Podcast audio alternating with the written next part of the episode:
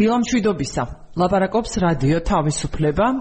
ვიწყებთ გადაცემას დილის საუბრები დემოკრატიაზე, რომელსაც რადიო თავისუფლება წარმოგიდგენთ ორშაბათობით ეკონომიკური პოლიტიკის კვლევის ცენტრთან ერთად. ძალიან ხანგრძლივი პაუზა გამოგვივიდა ჩვენს მსმენელსა და მაყურებელთან ურთიერთობის რისთვისაც ბოდიშს გიხდით, ჩვენ თავადაც გვინდოდა, შეიძლება მალე დაგბრუნებოდით. და აი ეთერში ვართ ძალიან დიდი მადლობა ჩვენს ყველა მაყურებელსა და მსმენელს ვინც გწერდით ამ ტექნიკური პაუზის განმავლობაში. მიზეზი ამისა ვინც არიცით გახლდათ ის რომ რადიო თავისუფლება გადავიდა ახალ ოფისში და გარკვეული დრო სჭირდება კლავაც მიმდინარეობს ტექნიკური მოწყობა ამ ოფისში და დღეიდან გვაქვს შესაძლებლობა რომ განვაახლოთ ეთერი განვახლოთ მხოლოდ აუდიო ფორმატში ჯერჯერობით და მოგვიანებით როგორც კი ამის შესაძლებლობა იქნება ჩვენ დაგიბრუნდებით ვიდეო ფორმატშიც. რაც შეეხება ჩვენი გადაცემის მოსმენის შესაძლებლობას ახლა ვინც რადიო პალიტრას უსმენთ ცხადია იცით რომ რადიო პალიტრის საშუალებით შეგიძლიათ ჩვენი მოსმენა FM 103-სა და 9-ზე ყოველ დილით სამუშაო დღეს 10 საათზე და ასევე შეგიძლიათ აუდიო ვერსიის სიგნალის მოსმენა რადიო თავისუფლების ვებსაიტიდან, რომლის ლინკი მითითებული მაქვს დილის საუბრების Facebook-ის გვერდზე.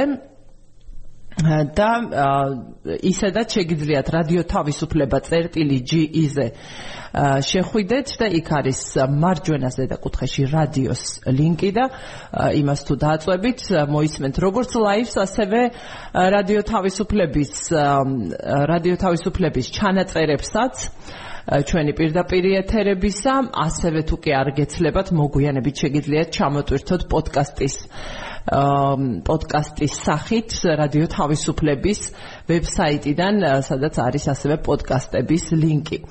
და მივესალმები თანაწამყვანს ჩვენი დღევანდელი რუბრიკისა ზაზა შენგელიას ეკონომიკური პოლიტიკის ცენტრს წარმოადგენს ის და თანაწამყვანი გახლავთ დილის საუბრებისა დემოკრატიაზე დილამშვიდობისა ზედმეტად აჟიტირებული კი ვარ არ უნდა ვერ დავმალამ ამას.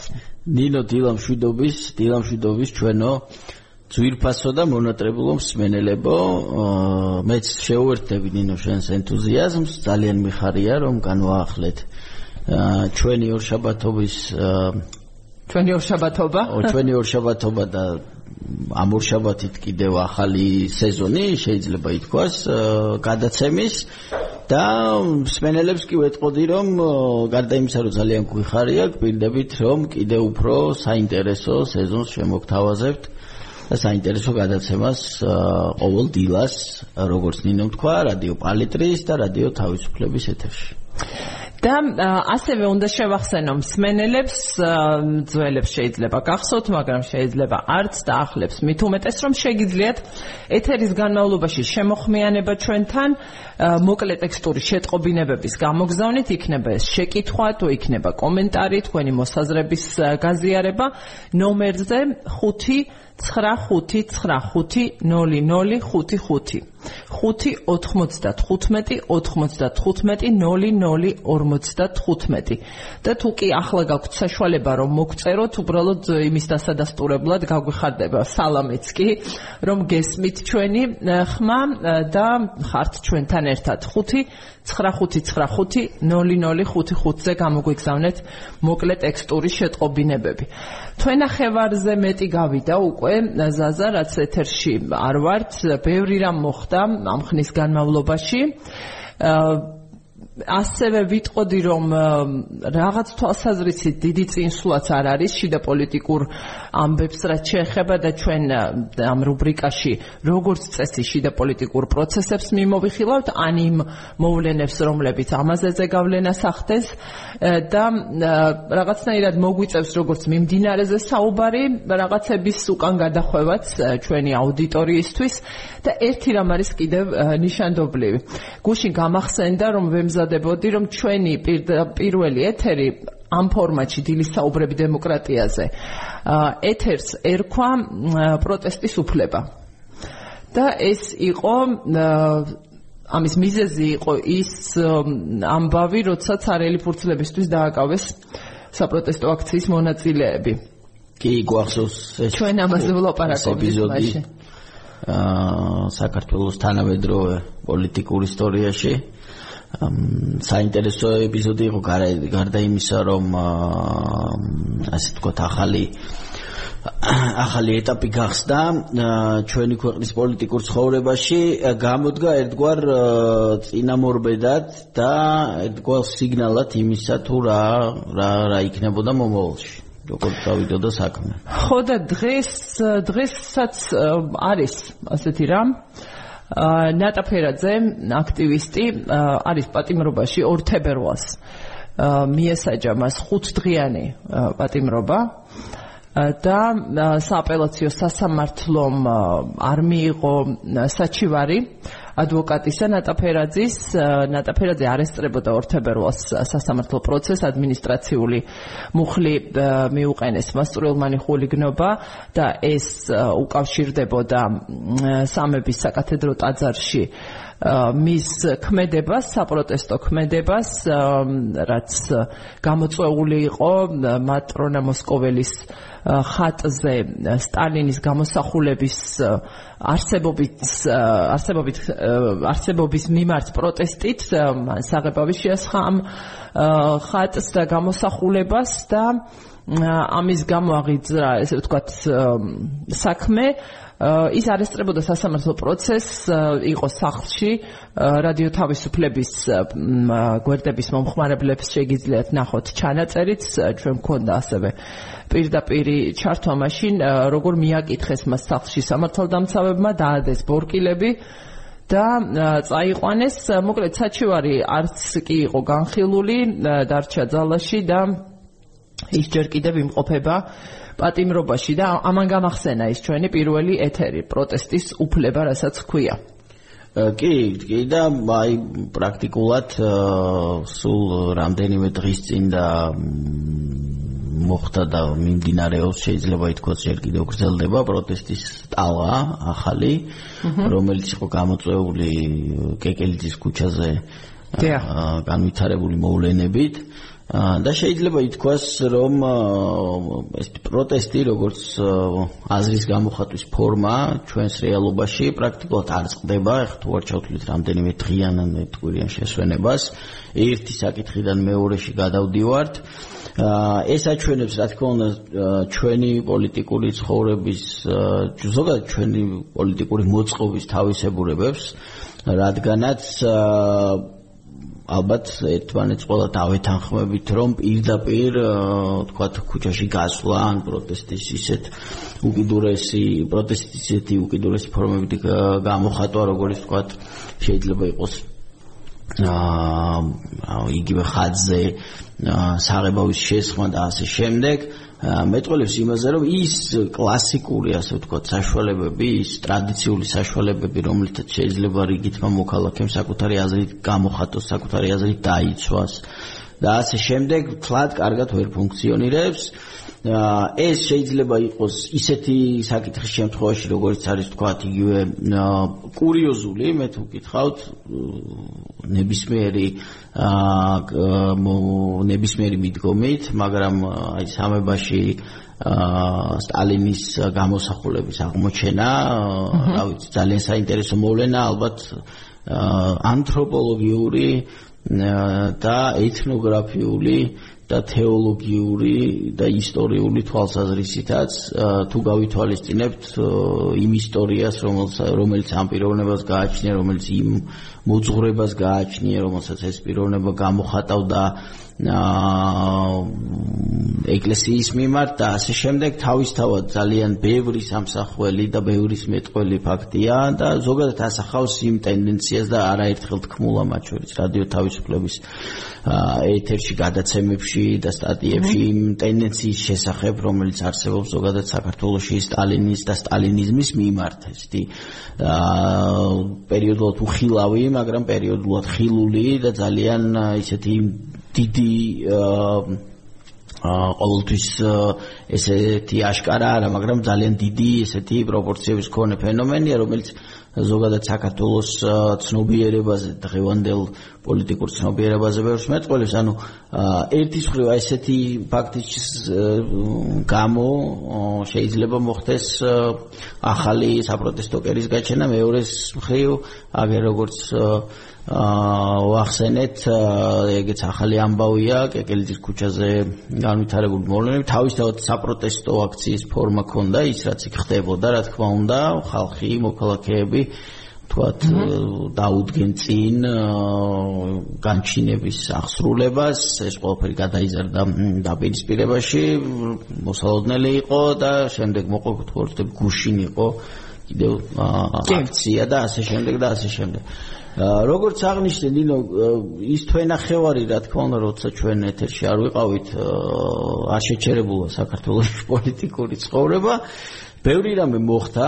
მე არც ჩვენ არც ჩვენ მოგვიდუნებია ყურადღება. არც ჩვენ მოგვიდუნებია ყურადღება. ერთი ისი თქვაც მინდა ალბათ ის არის რომ ჩემი აზრით ამ თვენახევარში პირველ რიგში გამოყოფდი რა თქმა უნდა იმ პასუხს რომელიც საქართველოს მიიღო ევროკავშირიდან იმ პროცესზე და იმ ჩვენს აპლიკაციაზე რომელსაც რომელზეც ძალიან ბევრი ვისაუბრეთ ზოგადად ჩვენ გადაცემაშიც რომელსაც პრაქტიკულად ამ საკითხს უკავშირდებოდა შარშანდელი წლის დიდი ნაწილი ნაწილი მთელი პოლიტიკური ცხოვრება და ის მოვლენები რომლებიც ხდებოდა ეს რა თქმა უნდა არის საქართველოს მიერ კანდიდატის სტატუსის მოპოვება. ჩვენ არ მოგვეცა მე მგონი შესაძლებლობა რომ ამ ორშაბათი აღარ იყო ხო თუმცა იმ კვირაში ხო შენ არ მოგვეცა მე არ მომეცა ამიტომ იმ კვირაში კი ვისაუბრეთ რადგან და იმდენი ვისაუბრეთ იმ თელი წლის განმავლობაში პრაქტიკულად ამ საქმეზე მიულოცავ დაგვიანებით დიდი დაგვიანებით აა ჩვენს მენელებს პირველ რიგში და ყველა ჩვენს თანამოქალაქეს ამ ამბავს თუმცა ისევ და ისევ ვაგრძელებთ იგივე იგივე იგივე მოცემულობაში მოძრაობას, ანუ ამ შემთხვევაში გულისხმობ იმას, რომ კანდიდატის სტატუსი მივიღეთ, მაგრამ ამჯერადაც გვაქვს ის დათქმები, ის პირობები, რომლებიც ამ კანდიდატის სტატუსს მოყვება და რომლებზეც დაარწმუნებული ვარ მომავალ გადაცემებშიც კიდევ მივუბრუნდებით და ვისაუბრებ. მივუბრუნდებით სხვათა შორის სტალინის თემასაც აუცილებლად ჩვენს ერთ-ერთ ეთერში. ძალიან მნიშვნელოვანი არის ამაზე მსჯელობა, მეტი და მეტი მსჯელობა და ფიქრი. ჩვენი მსმენელები და ძალიან מחარებს ეს გვესალმებიან, გისმენთ სიამოვნებითო, ძალიან გვესიამოვნა ჩვენს თქვენი შემოხმიანება. მეორე მსმენელი გვესალმება ასე შალომ, შალომ მოგესალმებით ჩვენს ასევე, რადგან ასე არჩიეთ და რაც შეეხება ევროკავშირის წევრობის კანდიდატის სტატუსს და იმ ფაზას უკვე რაშიც ახლა საქართველოა, ეს არის სწორედ მთავარი ფონი, ვიტყოდი, საქართველოსთვის ამ ეტაპზე. შიდა პოლიტიკური ცხოვრებისთვის ტონის მიმცემით, სტიმულის მიმცემით, თუმცა ის რაც ვნახეთ მცდელობა ერთგვარი შეიცვალა ხელისუფლების რიტორიკა იმ კუთხით, რომ მეტს საუბრობენ მართველი პარტიის წარმომადგენლები იმაზე, სწორედ ამ სტატუსზე და ხას უსვამენ იმას, რომ ეს მათი დამსახურება არის და და რომ ამ პუნქტების შესრულებისთვის მზად არიან და იყო ერთი ესე ვთქვათ შეხვედრა ჩატარდა სამუშაო ჯგუფის ფორმატი დაარქვეს მათ. კლავაც რომლის ორგანიზების ეტაპზევე გამოჩნდა კლავაი ეს რაღაცნაირი როგორ დავარქვა არ ვიცი. წინააღმდეგობრივი დამოკიდებულება და ის რომ ინკლუზიურობის კუთხით რაც არის უმთავრესი ამ პროცესისთვის და ამ პუნქტების შესასრულებლად კლავაც მნიშვნელოვანი ბარიერები იქნება როგორც ეთყობა, იმიტომ რომ იქ იყო ესე ვთქვათ მოსაზღრული და სიტყვიერადაც განმარტეს ხელისუფლების მართველი ძალის მხრიდან რომ ამ შეხვედრაში შეხვედრაზე დაპატიჟეს მხოლოდ ის არასამთავრობო ორგანიზაციები, რომლებიც აღმოსავლეთ პარტნიორობის ეროვნულ პლატფორმაში არიან გაერთიანებული. ამ პლატფორმაში მართალ ძალიან ბევრი ორგანიზაციაა და ჩვენთვის კარგად ნაცნობი ორგანიზაციები, მაგრამ ასევე ბევრი ორგანიზაცია არ არის, ან აღარ არის. მიზესთა გამო ეს მათი პოზიციებია და მათ აქვთ ამის უფლება და არცად წერია არც ერთ კანონში და დოკუმენტში რომ მხოლოდ პლატფორმის ორგანიზაციებს აქვთ ამაში მონაწილეობის უფლება და ისეთი აქტიური და გამოცდილების მქონე NGO-ები და მათი მონაწილეობა პროცესში იქნება უმნიშვნელოვანესი როგორებიც არიან ყოველასთვის კარგად ცნობილი ახალგაზრდა იურისტთა ასოციაცია საერთაშორისო გამჭვირვალობა საქართველო ასევე სამართლიანი არჩევნები. თქვენი ორგანიზაციაც ხომ? მიღმა არის ამ პლატფორმის. მნიშვნელოვანია მონაწილეობა ასეთი ორგანიზაციების ამ პროცესში და იყო მით უმეტეს გამოხატული სურვილი ასეთი მათი მხრიდან და საქმე იქამდე მივიდა რომ შემდეგ უკვე ევროკავშირს მიმართეს რომ თუ შეიძლება ამ ორგანიზაციებმა და არაერთმა სხვამ დაგვეხმარეთ რომ ამაში ვიყოთ ჩართულები. ნინო კი რა თქმა უნდა რა თქმა უნდა რა ანუ მოსალოდნელი იყო შეიძლება ითქვას ეს ერთ-ერთი კომპონენტი ამ პროცესის თუმცა ერთ-ერთი კომპონენტია რომელიც ასახავს იმ მომავალ ნაბიჯებსაც რომლებიც ამ მიმართულებით გადაიდგმება და იმას თუ როგორ წარიმართება ეს პროცესი.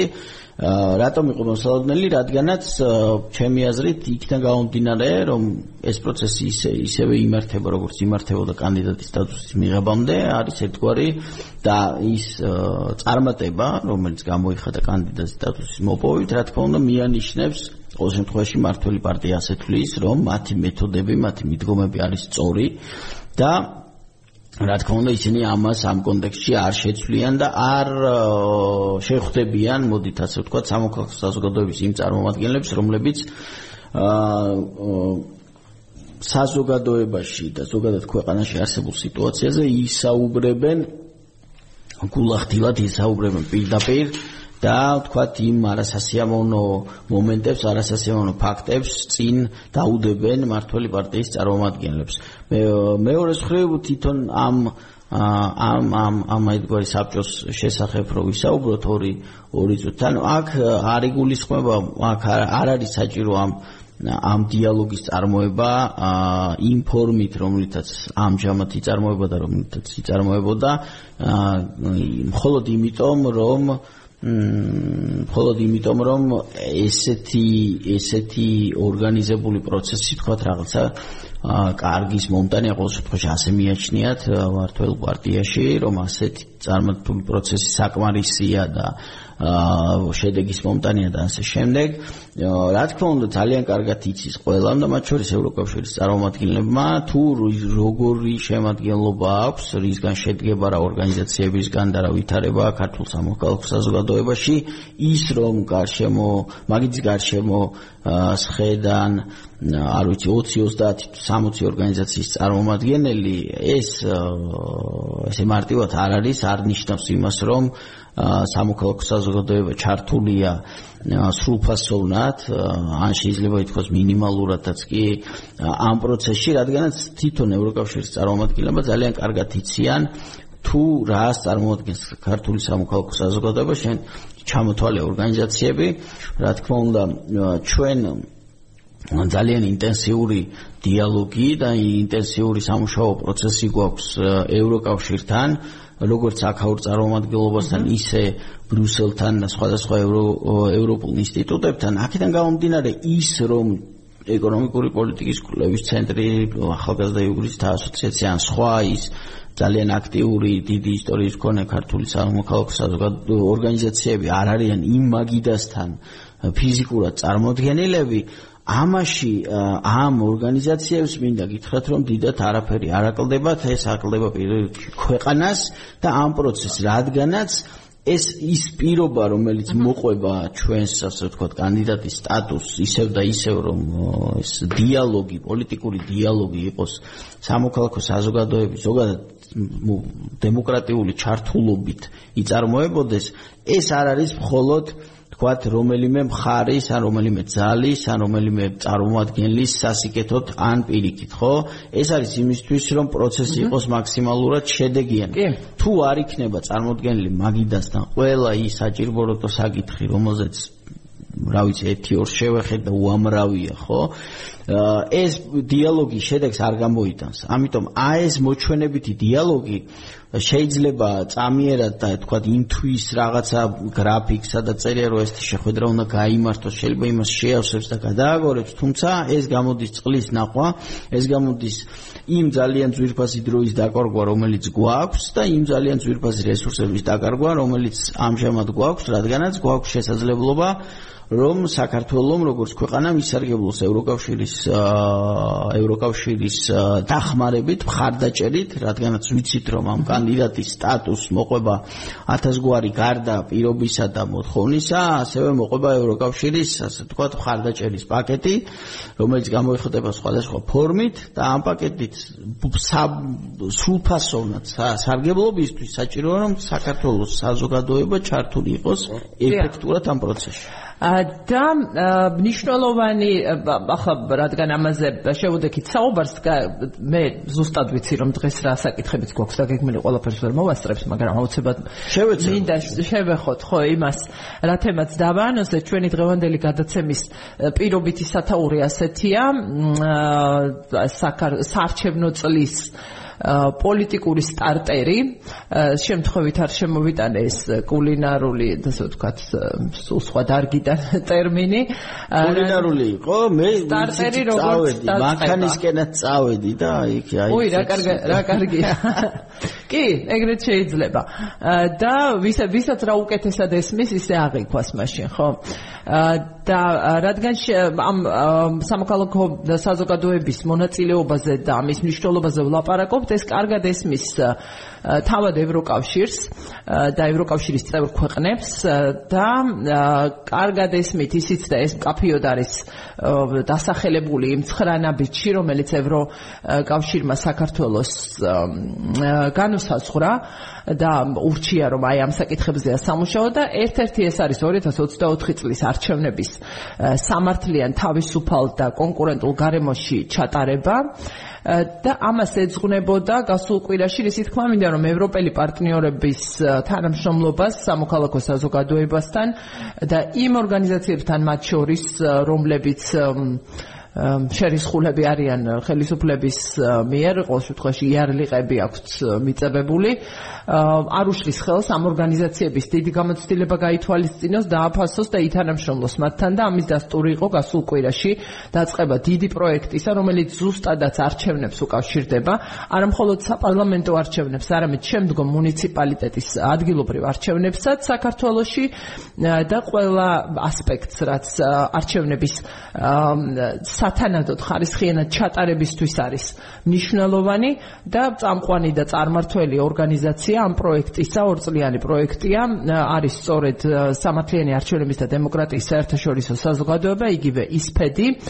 და ნიშანდობლივი იყო ის, რაც ევროკავშირის ელჩმა პაველ ჰერჩინსკიმ ამ პროექტის დაწყების ასე ვთქვათ პრეზენტაციის ცერემონიაზე თქვა 2024 წლის არჩევნების შესახებ იმ მოლოდინზე უფრო სურვილზე რაც აქვს ევროკავშირს ამ არჩევნების მიმართ რომ სასიცოცხლო მნიშვნელოვნად თulis პაველ ჰერჩინსკი საქართველოსთვის იმის შეხსენებას, რომ არჩევნების ხარისხს განსაზღვრავს არა უბრალოდ ხმის მიცემის აქტი, რომ ეს ამის შესაძლებლობა მიეცეთ მოქალაქეებს, არამედ მთელი საარჩევნო პროცესი და საარჩევნო გარემო, აა მან აღნიშნა რომ საარჩევნო პროცესის თითოეულ მონაწილეს თავრობიდან დაწყებული და მოქალაქით დამთავრებული მედიით დაწყებული და სამოქალაქო საზოგადოების ორგანიზაციები დამთავრებული შესასრულებელი აქვს თავისი როლი იმისთვის რომ ეს არჩევნები შეესაბამებოდეს დემოკრატიის სტანდარტებს და რაც თავარია ზუსტად ასახავდეს საქართველოს ხალხის ნებას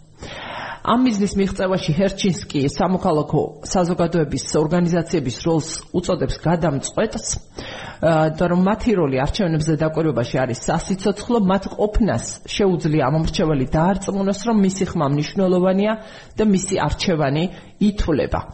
და ის აცხადებს რომ ამ მომავალ არჩევნებს აქვს პოტენციალი განამტკიცოს ქვეყნის დემოკრატიული პრინციპებისადმი ერთგულება და მისი სწრაფვა ევროპული მომავლისკენ. რატომ ეს არის ფაზა უკვე ევროინტეგრაციისა და საარჩევნო წელიწადი ემთხვევა ევროინტეგრაციის მორიგ ეტაპს, ყოველ შემთხვევაში შესაძლებლობას, რომ საქართველოს გადავიდეს მორიგ ეტაპზე, ეს არის მოლაპარაკებების გახსნა გაწევრიანებისა და დროში ემთხვევა ეს შემოდგომა 2024-ისა ამ ხრივ იქნება მნიშვნელოვანი, რომ ერთი მხრივ შემდეგი ანგარიში უწევს ევროკომისიისა გაფართოებაზე, შემოდგომაზე ქვეყნდება ხოლმე და ასევე 26 ოქტომბერს არის საპარლამენტო არჩევნები.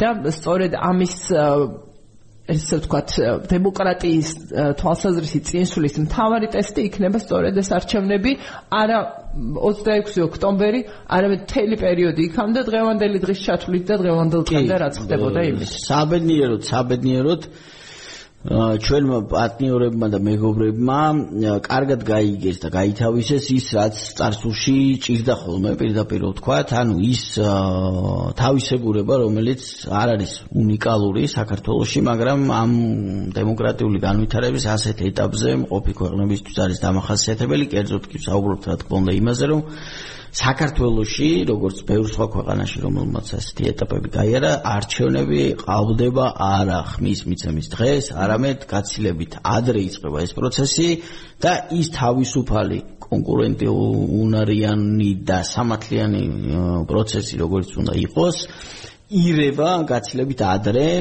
და ყველა ვიცით ხო ეს როგორ ხდება? ეს იწება თქვათ იგივე ადმინისტრაციული რესურსის გამოყენებით ფულადი შავი ფული ეს ცნობილი შავი ფული რომელიც ძალიან ბევრი და დიდი რაოდენობით იხარჯება ხოლმე საარჩევნო წლის განმავლობაში და მოკლედ საზოგადოებაზე მედიაში მიმდინარე პროცესები ასე შემდეგ და ასე შემდეგ რო არ შევაწყინოთ ჩვენ მსვენელმა ძალიან კარგად იცის სამწუხაროდ როგორც ყოველმა ჩვენთაგანმა ვადევნებთ ყოველ წელს ყოველ წელს 4 წელიწადში ერთხელ ანუ ხდება არჩევნები ეს ამბები ხდება ხოლმე და იწება და ასე შემდეგ და ასე შემდეგ აქედან გამომდინარე ჩვენი პარტნიორებიც უკვე კარგად არიან გარკვეულები ამ ყველაფერში და ამას მეტყველებს ის ამბები, რომელიც ჩვენ ჩამოთვალე, ამას მეტყველებს ისიც, რომ სადამკვირვებლო მისიები მუშაობას დაიწყებენ უფრო ადრე, არ დაიწყებენ მუშაობას თქვა ხმის მიცემის დღეს, როცა ასე ვთქვა, ამ აისბერგის მხოლოდ ერთი ძალიან მცირე ნაწილი ჩანს და პრაქტიკულად დამამთავრებელი, დამასრულებელი ეტაპია ამ ყველა ამ პროცესის. და რა თქმა უნდა ამ შემთხვევაშიც როგორც აღნიშნე ევროკავშირი ეყრდნობა და ინდობა სამოქალაქო საზოგადოებას აქვე აღნიშნაო ნინო რომ ჩვენს ევროეკონომიკური პოლიტიკის კვლევის ცენტრმა დაიწყეთ დიდი პროექტი რომელიც ორ წელიწადზე მეც გაგრძელდება ევროკავშირის მხარდაჭერით ადენაუერის ფონდთან ერთად და რომელიც რომლის მიზანია პარტნიორებთან ერთად. კი კი რამ თავისუფალ ჟურნალისტთა სახლი ბათუმელები მოკლედ ბევრი სამოქალაქო საზოგადოების ფონდი ასე სამოქალაქო საზოგადოების ფონდი და ბევრი ძვირფასი მეგობარი და პარტნიორი რომელთან ერთადაც ორ წელიწადზე მეტი იქნება აა დახარჯული იმაზე, რომ ქართული საზოგადოება კიდევ უფრო კარგად გაერკვეს აა ევროინტეგრაციის პროცესში, კიდევ უფრო მეტი გაიგოს ამის შესახებ, კიდევ უფრო აქტიურად იყოს ჩართული ამ პროცესში, კიდევ უფრო უშუალოდ იყოს ჩართული ამ პროცესში.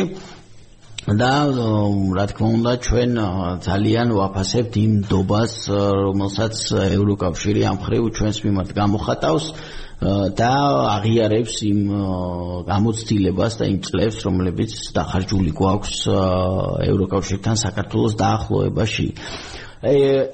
რა თქმა უნდა, ამ პროცესის განხილვა, რასაც ევროინტეგრაციის ეს ეტაპი ხქვია, ძალიან საინტერესოა ჩვენ რომ ამას დაუკავშიროთ ის პოლიტიკური მოვლენები რომლებიც საქართველოს აუცილებლად მოგცემ საშუალებას სწორედ ამაზე საუბრის უბრალოდ რეკლამის დრო არის რადიო პალიტრის ეთერში არ უნდა დაგვავიწყდეს ჩვენი პარტნიორის ამ შემთხვევაში რადიო პალიტრის ინტერესები. და სულ რამდენიმე წუთი დაგტოვებთ უწყვეტად გრძელდება ჩვენი ეთერი რადიო თავისუფლების საიტზე რადიო თავისუფლება წერტილი GE რადიოს ესე ვთქვათ წარწერ ჩაწერას მარჯვენა ზედა კუთხეში შეგიძლიათ დააჭიროთ, სუკი გაქვთ საშუალება და ინტერნეტთან ხართ თუ არა და რამდენიმე წუთში დაგიბრუნდებით რადიო ეთერშიც, ასე რომ დროებით რაც შეეხება მნიშვნელობას ამ ეტაპისა ბოდიში რომ რაღაცნაირად ესე დაემთხვა სარეკლამო დროს თუმცა დარწმუნებული ვარ აქაც ყავს მსმენელები და ვიცი რომ ჩვენ ყავს ასევე აუდიტორია საკმაოდ სერიოზული პოდკასტების მომხმარებელი კი კი კი. რა თქმა უნდა იმის თქვა მინდოდა მნიშვნელობაზე ამ ეტაპის აი ერთი ის გამახსენდა რომ ესე იგი ნოემბრის ბოლოს აი სპენელებსთან დაკავშირებით მინდოდა ამის თქმა და ეს ვისარგებლებ შემთხვევით ნოემბრის ბოლოს მომიწია რამდენიმე დღით პარიზში ყოფნა და სადაც შემხვდა და ძალიან გამიხარდა რამდენიმე ადამიანი რომელმაც მითხრა რომ ყოველდღიურად უსმენენ მიუხედავად გეოგრაფიული დაშორებისა ყოველდღიურად უსმენენ ჩვენ გადაცემას და მათ დაუპირდი რომ ეთერიდან მივესალმებოდით და ჩვენო მეგობრებო მოგესალმებით მათ შორის პარიზშიც ნინო რისიც ხო პარიზშიც და ხო რა თქმა უნდა ყველგან იმიტომ რომ მეც შემხვედრიან და მოუწერიათ ასევე ასეთი ადამიანები და ძალიან მაფასებთ ამას და ეს არის ასე ვთქვათ ამით ფასდება ჩვენი ეთერები. ბოდიში გისმენთ ხო არა მე მინდოდა მიბრუნება ამ პროცესისთვის და მისი ესეთი ჩასმა ასე ვთქვათ კონტექსტში რადგანაც შიდა პოლიტიკურ პროცესში სულ ახალი ამბები და ესეთი მნიშვნელოვანი ამბები მიმდინარეობს. რა თქმა უნდა, აქ გულისხმობ მთავრობის შეცვლას, ცვლილებას, გადაყენებას, გადადგომას, ბევრნაირ შეფასებას მოისმენს საქართველოს მოქალაქე ამ პროცესის შესახებ. გააჩნია საინფორმაციო წყაროს და ასე შემდეგ. მაგრამ შეიძლება ალბათ ერთის თქმა იყოს ერთის თქმის რამ შეიძლება დანამდვილებით რომ რიგა უკოლობა თვითონ რა ბუნების მოვლენასთან გვაქვს საქმე? მეორე მხრივ მეორე მხრივ არც თუ გაბურკოველია და საკმაოდ ესეთი დაწილია მაგრამ ამაზე იქნებ როგორ რეკლამის შემდეგ გადავიდეთ უბრალოდ მანამდე მინდა ვიდრე გამოცხადდებოდა. ვიდრე ასე ვთქვათ ეს ცვლილებების შესახებ გახდებოდა ცნობილი. მთავრობამ გამოქვეყნა სამოქმედო გეგმა. ისე ცხრა ნაბიჯის ამბავს მინდა და დავუბრუნდე სადაც რადგან არჩევნებზე ვლაპარაკობთ და ეს არის ჩვენი საუბრის მთავარი ფონი ასე ვთქვათ და ლაიტმოტივი სამოქმედო გეგმა რომელშიც მოდი ვნახოთ არჩევნებზე საკუთრივ არჩევნებზე რა წერია ამ გეგმაში ერთი ეს არის რომ 2024 წლის არჩევნებზე ეუთო ოდირის გრძელვადიანი სადამკვირვებლო მისიის მოწვევა არის ერთი პუნქტი რომლის დროდაც დასახელებულია მიმდინარე თვე თებერვალი საქართველოს მთავრობა პარლამენტის თავმჯდომარის კაბინეტი გააკეთებს ამასო. ასევე ასევე შემდეგი ნაბიჯი. ეს არის ხელისუფლების შესაბამის ორგანოებსა და სადამკვირვებლო ორგანიზაციებს შორის. ეფექტიანი თანამშრომლობისთვის სამუშაო ფორმატების შექმნაო ამის პერიოდად სახელდება აგვისტო-ოქტომბერი 2024 წლისა საქართველოს მთავრობა წერია უצყებად ხელისუფლებიდან და საარჩევნო კოდექსში პარტიების არჩევნების დაფინანსების საკითხი ცვლილებების შეტანა, რაც უკვე მომხდარია, ეს ამბავი უკვე განხორციელდა პარლამენტში და ამით სრულდება აი ეს პუნქტი. უბრალოდ ინფორმაციისთვის ამ სამოქმედო გეგმაში. ეს ცხადი არ გამორიცხავს რომ რაღაცები კიდევ მოხდეს, მაგრამ ყოველ შემთხვევაში გეგმა გეგმა დესტერია სამოქმედო გეგმის ნაწილში, ბოდიში რომ გაგაწყვეტინე, რაც შეეხება ამ ცვლილებების ნაწილს რეკლამის დასრულების შესახებ ჯერ არაფერი ვიცით, მსმენელის კომენტარს კომენტარებს მიბრუნდები ერთ-ერთი მსმენელი კი მორი კი მსმენელი გვილოცავს ეთერში დაბრუნებას. ძვირფასებო თქვენ ხომ გესმით ეს არც კი იყო ხატის ამბავს უბრუნდება. არც კი იყო ხატი კანონიკურად ავტორებიც კი იყვნენ გამოსახულებიო სტალინი რა თქმა უნდა ტირანია ხო თემას აღარ მიუბრუნდებით თუმცა მადლობას ვეთყვი ჩვენს მსმენელს იმისთვის რომ მოგწერა ასევე უნდა ვუთხრა ჩვენს ინტერნეტ მსმენელებს ვინც ახლა ლაივში გვისმენს რომ თქვენ შეგიძლიათ შემოხმიანება ეთერის დროს დილის საუბრების Facebook-ის გვერდიდან მიუხედავად იმისა რომ იქ ვიდეო სიგნალი ახლა არ არის, რადგან ჩვენ ვიდეო ფორმატში არ ვართ ჯერ ეთერში, თუმცა ყოველ დღე და დღესაც გამოვაქვეყნე ამ გადაცემის ანონსი, თემა, ვინ ვართ სტუდიაში და შეგიძლიათ აი კომენტარების ველში მოგწეროთ, ასევე ვუყურებ და მივაქცევ ყურადღებას. ხოლო რაც შეეხება მოკლე ტექსტურ შეტყობინებებს, შეგიძლიათ და ველოდებით კიდევ გამოგვიგზავნოთ ნომერზე 595900555-ზე 595900555-ზე და რაც შეეხება ახლა უკვე ცვლილებებს გადავიდეთ გადავიდეთ ცვლილებების ნაწილზე, რადგან ესე დაგვიანდა და მიხარია რეკლამის ეს რაოდენობა რადიო პალიტრაზე. გადავიდეთ ცვლილებების ნაწილზე, ეს იყო გასული წლის ბოლოს, უკვე თითქმის ბოლო დღეს 2023 წლისა, ბიძინა ივანიშვილის დაბრუნება ბჭყალებში. აა ასე ვთქვათ, ფორმალური დაბრუნება პოლიტიკაში, რაც მან თავისებურად განმარტა, ამაზე ბევრი იმსჯელე სხვადასხვა მედიაში, თუმცა მაინც კითხავ რა იყო შენთვის ნიშანდობლივი.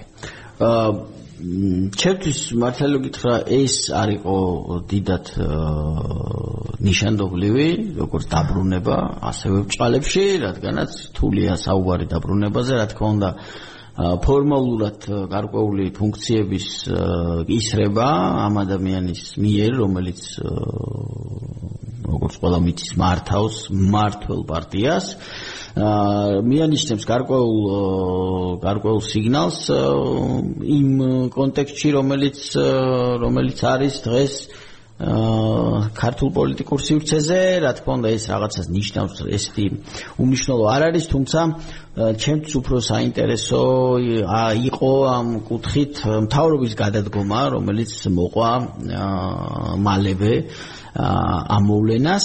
ზაზა ბოდიში რადიო პალიტრის ეთერში ვართ კლავაც რეკლამის დრო დასრულდა და გეტყვით ვინც ახლა შემოგვიერთდით რომ რადიო თავისუფლების დილის საუბრებს უსმენ, დილის საუბრებს დემოკრატიაზე.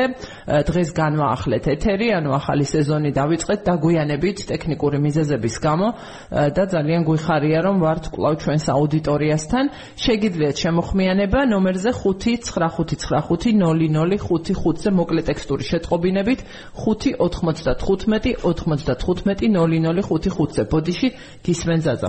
დიახ, ესე იგი საუბრობდი მე იმ თავრობის ცვლილებაზე, ხო? რომელიც მოხდა ცოტა ხნის წინ და აა გარკვეულწილად კი არა და მინდოდა დაკავშირება აა უბრალოდ იმ კავშირის ხაზგასმა, რომელიც არსებობს და თუ რამდენად ლოგიკური ან არალოგიკური საქართველოს ევროინტეგრაციის პროცესთან აა მიუხედავად იმისა, რომ ბიძინა ივანიშვილის დაბრუნება, ასე ვთქვათ, უკვე ფორმალური ქართულ პოლიტიკაში მიანიშნებდა ბევრს და ბევრ მიმომხილველს და ასე შემდეგ რომ იქნებოდა ცვლილებები აა სამთავრობო ცვლილებები თვითონ ქართული ოცნების გუნდში და მთავრობაში. მიუხედავად ამისა თუ თქვათ ჩამოშორდებით იმ თავისებურებებს და იმ აა ნიშანთვისებებს, რომლებიც საქართველოს პოლიტიკას, პოლიტიკურ სისტემას გააჩნია დღესდღეობით, ისეთი ნეიტრალური ამ შემთხვევაში გულისხმობს საქართველოს გარედან თქვათ შემხედვარე ადამიანი საქართველოს პოლიტიკაზე მაინც და მაინც ჩემი აზრით არის წინასწარმეტყველებდა ასეთ ცვლილებებს რადგანაც იმ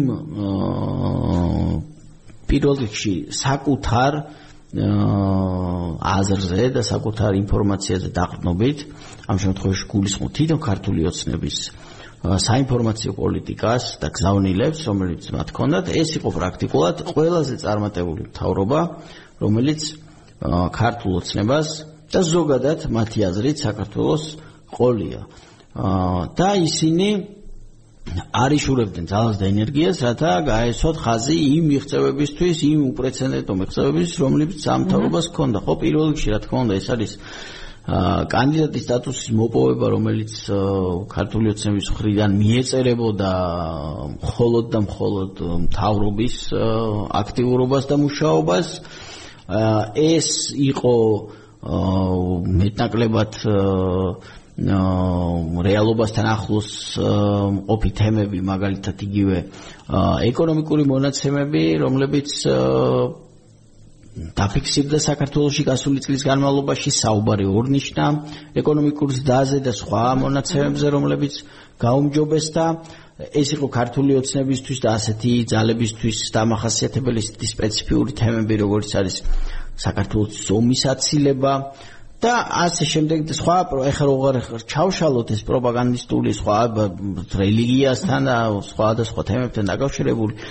გზავნილები მოკლედ ამ ყოველფრის ჯამი და დასკვნა ის იყო რომ ეს არის უპრეცედენტოდ წარმატებული მთავრობა რომელიც საქართველოს სამშვიდობოს ასე ვთქვათ გაყვანას აგრძელებდა და გაიყვანდა აი ამ ლამას აი ამ ჰაგიოგრაფიულ პროცესში უცბად მოწმენდილ ცაზე ხდება ცვლილებები და ჰაგიოგრაფიულ ანუ ჰაგიოგრაფიაში გულისხმობ ქება დიდებას. ანუ კეთილი, ესეთ ეს კიდევ ერთი შემოიტანე ხომ ეს მის რატომაც და მოკლედ აი ესეთ გაუგებარ აი რო ავიღოთ ისეთი ადამიანი რომელიც თქვა ისე ადევნებს თქვა ძალიან ისეთი პოზიციიდან ამ პროცესებს თვალს აი ესეთ კონტექსტში ხდება ცვლილება და ხდება ცვლილება საკმაოდ სწრაფად, ხდება ცვლილება განხილვის გარეშე, ხდება ცვლილება როგორც ახასიათებს ზოგადად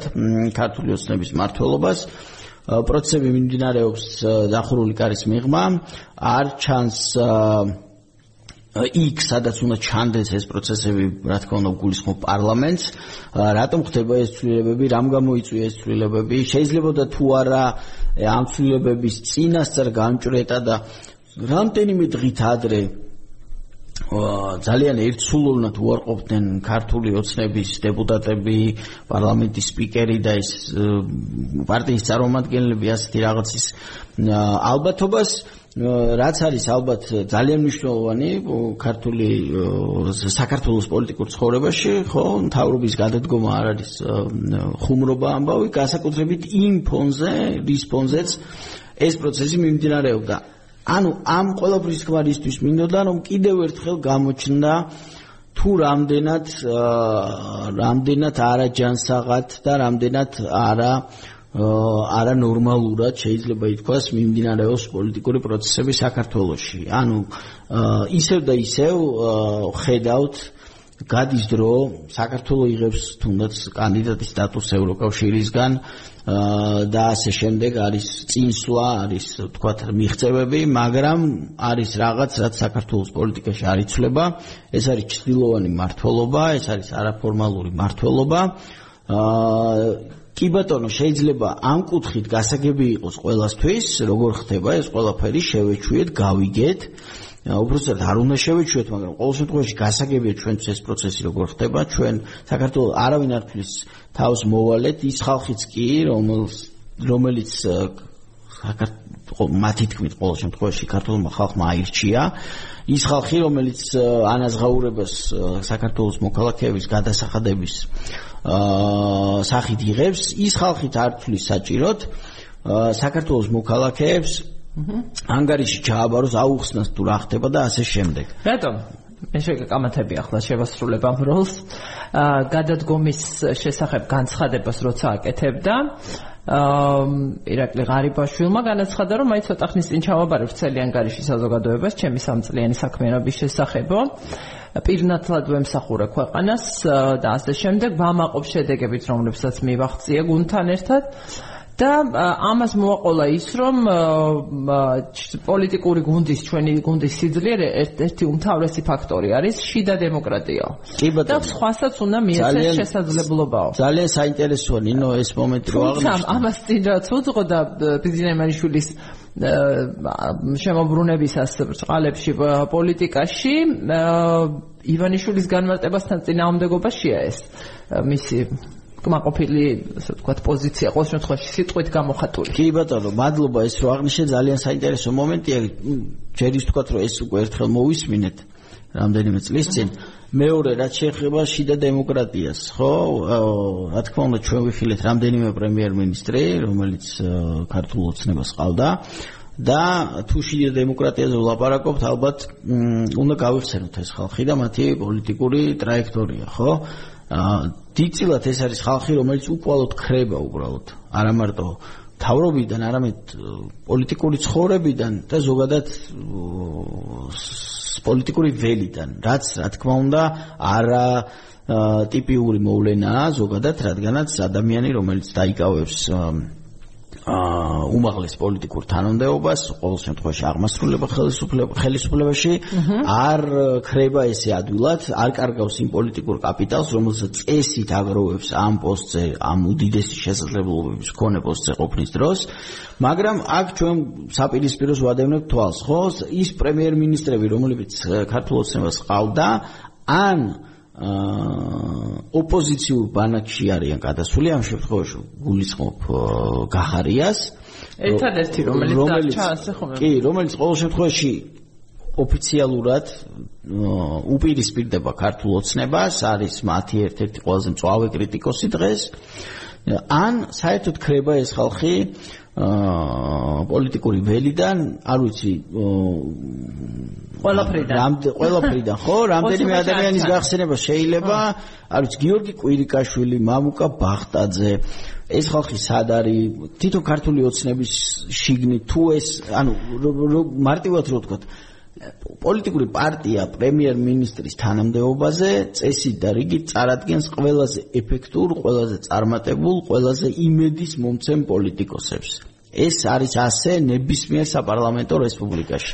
რომლით ამ ადამიანების წყალობით ისინი ელოდებიან ყველაზე დიდი წარმატების მოპოვებას, რათა განამტკიცონ საკუთარი ძალაუფლება. ჩვენ მოცემულობაში გვაქვს სურათი, როცა აი ესეთი აი ეს აი ეს ამ კრიტერიუმებით არჩეული ხალხი პრემიერ-მინისტრის პოსტზე რა სხვადასხვა დროით ყოფნის შემდეგ უბრალოდ ხრება პოლიტიკური ველიდან. ეს მიანიშნებს და ის რაც ბოლოს მოხდა, კიდე ეს ცვლილება, რაზეც ახლა საუბრობდით და ის როგორც მოხდა ეს ცვლილება, მიანიშნებს, რომ ეს პროცესი უცვლელია, რა თქმა უნდა, ამ კუთხით რთულია რაიმე ცვლილების მოლოდინი. კიდევ ერთი წინააღმდეგობა ღარიბაშვილის და ივანიშვილის განმარტებებში ამ მოვლენისა არის ის, რომ ღარიბაშვილის შემდგომ უმნიშვნელოვანეს ამოცანად მისი გადადგომის ერთ-ერთ ამხსნელად ასახელებს ახლა ლოგიკას არ შეგვიძლია შეფასებას ასახელებს სწორედაც საპარლამენტო არჩევნებში არჩევნებს, როგორც ძალიან მნიშვნელოვან პოლიტიკურ მოვლენას წინ, რომელშიც წარმატებაც მის ქართული ოცნებისთვის მნიშვნელოვანია. ბიძიამანიშვილი კი ამბობს, რომ არჩევნები და მისი შედეგები კი არ არის მნიშვნელოვანი კამპანიის გარეშეც მივიღებდით ამდენ და ამდენ ხმასო, არამედ არამედ პარტიის საარჩევნო პარტიის არა გაძლიერება, არამედ ჭარბად მოძლიერებული გუნდის ადამიანური ცნებებისგან დაცვა ოპოზიციის სისტემის ფონზეო და მან ჩაულებრივად ღიად გამოცხადა და არაფერზე გამოცნობა და ეს მსჯელობაც არავის აღარ გჭირდება რომ საჭიროებს მართული პარტია ახალ სიმძიმის ცენტრს და ვთვლი რომ ჩემს მიერ ამ ახალი სიმძიმის ცენტრის მისიის შესრულება არის დროული და აუცილებელია და აქ რომ იტყვიან ყველაფერი ნათელია დღესავით. ბოლოსკენ მივიდივარ ბძანე და კი ნინო აქ უბრალოდ მინდოდა ალბათ შეიძლება შენც დამსწრანსაც გაუკვირდეს მაგრამ აქ დავითანხმები ბიძინა ივანიშვილს რადგანაც იმ ფორმით რომელი ფორმითაც დღეს ქართული ოცნება არსებობს ის მართალია და საჭიროა მისი მის და არ ვიცი საბედნიერო თუ სამწუხაროდ მისი ფიზიკური ყოფნა ადგილზე რადგანაც როგორც კი ყოველ შემთხვევაში ის თავად ასეთლის მე რამდენად ბრუნდება ბჭყალებში ქართულ პოლიტიკაში რომ ის როგორც კი გადის ოთახიდან ეს ასე ვთქვათ კიდევ ერთხელ ბჭყალებში ბავშვები იწყებენ ცელქობას და ეს ცელქობა არავის არ მოსწონს. არ ჩიგნით არც გარეთ. ყოველ შემთხვევაში ის ევლინება საქართველოს მოქალაქეებს, როგორც ამ პროცესის მასშტაბლის როლშია, ისევ აურიეს, მე ისევ დავბრუნდი, ეხლა ისევ დავალაგებ, მე წავალ ისევ დავბრუნდები. ანუ ასე სიარული, მოკლედ ამ ადამიანს მიაჩნია, რომ ეს არის ნორმალური და ჩვენს საქართველოს პოლიტიკას და საქართველოს სახელმწიფოს უყურებთ როგორც რაღაცა სკოლას, კლასს, სადაც ხანაირება სიტუაცია ხანდაირება, მოკლედ ყოველ შემთხვევაში ის რომ ეს შეიძლება შეიცვალოს ერთ დღეს და საერთოდ დამთავრდეს ეს პროცესი და ეს რაღაცა სპექტაკლი ერთგვარი, როგორც ჩანს ამ ადამიანს საერთოდ აღარ მიაჩნია რეალურად. და ბოლო ეს პერიოდი და კი მესმის ტრადიციულად ვიცით რომ საახალწლო ესე ვთქვათ დღეები და მთელი იანვრის თვე ვერ არის ხოლმე ისეთი პოლიტიკურად აქტიური, მაგრამ თუ გავითვალისწინებთ იმას, რომ საარჩევნო წელიწადი იანვარში არ დაიწყო, არამედ ათულა საარჩევნო წლის და დაიწყო სწორედაც ნოემბრიდან ოქტომბრის ბოლოდან. ერთხელ აუგუსტიდან ის ნიშნები გამოუკვეთეთ, რომლითაც უკვე იკვეთებოდა საარჩევნო კამპანიის დაწყება. ხო, კამპანია, კამპანია, მაგრამ მნიშვნელოვანი ის არის, რომ ბევრი საუბარი და რიტორიკაში, ოპოზიციის რიტორიკაში ცხადე არის. ბევრი ლაპარაკი ცვლილების საჭიროებაზე, ცხადია ოპოზიცია პოლიტიკური არაფერი წინ გვაქვს, ყველაფერი თავარია ესეთი ვართ, ხო, დღეს ვეღარ. 5 და წუთი დაგვრჩა დასრულებამდე.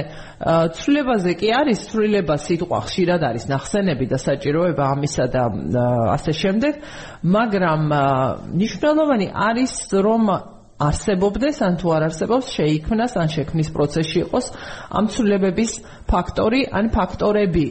ჩვენ ამაზე შემდგომ ეთერებში ძალიან ბევრს ვილაპარაკებთ. ერთს კი ვუყურებთ და ვაკვირდებით რომ ჯერჯერობით ოპოზიციის აქტივობა არის კლავაც იმ ეტაპზე რაღა დასამალია, რაზეც თვენახებრის წინ ხო ჩვენ დავტოვეთ თუ არ დავტოვეთ ეთერი ამას მნიშვნელობა პოლიტიკური პროცესისთვის არ გქონდა, მაგრამ ისე ის ეტაპია, არა წინსვლა არ არის ვინ ვისთან შეიძლება იყოს ერთად ან არ იყოს, რამდენად შესაძლებელია ძალების გაერთიანება, კონსოლიდაცია, ვინ კატეგორიულ უარზეა, ასე ვთქვათ, რომელიმე სხვა ოპოზიციურ ძალასთან ყოფნა, ყოფნის პერსპექტივის თაობაზე, მეორე მხრივ მიდის თულა და ანგარიში სხვადასხვა მონაცემებით ასევე არის გვესმის კლავაც რომ მესამე ძალა არის და ალტერნატივა არის საჭირო მაგრამ მიუხედავად იმისა ვინ შეიძლება ირქმევდეს მესამე ძალას ამას ამას თავად არ ვერ განსაზღვრავს პოლიტიკური ძალა, ეს ამორჩევლის გადასაწყვეტია ვის ჩათulis ასეთად და პოლიტიკურ პარტიებს აქვთ ძალიან ძალიან ბევრი საქმე გასაკეთებელი. ასევე არ ვიცით საარჩევნო წლის განმავლობაში იქნება თუ არა რაიმე ნამდვილი სიახლე. ხედავ რაიმე აი ასეთ კონტურებს ცვლილების ან ცვლილებების პოლიტიკურ ასპარეზზე, პოლიტიკურ მენიუში ცვლილებებისა. აა პირველ რიგში რასაც ხედავ აქ იქიდან გამომდინარე რაც შენ თქვი ანუ გაუთავებელი საუბარი ალიანსებზე, ბლოკებზე, შეერთებაზე, გაყოფაზე და ასე შემდეგ ეს არის სისუსტე, ხო?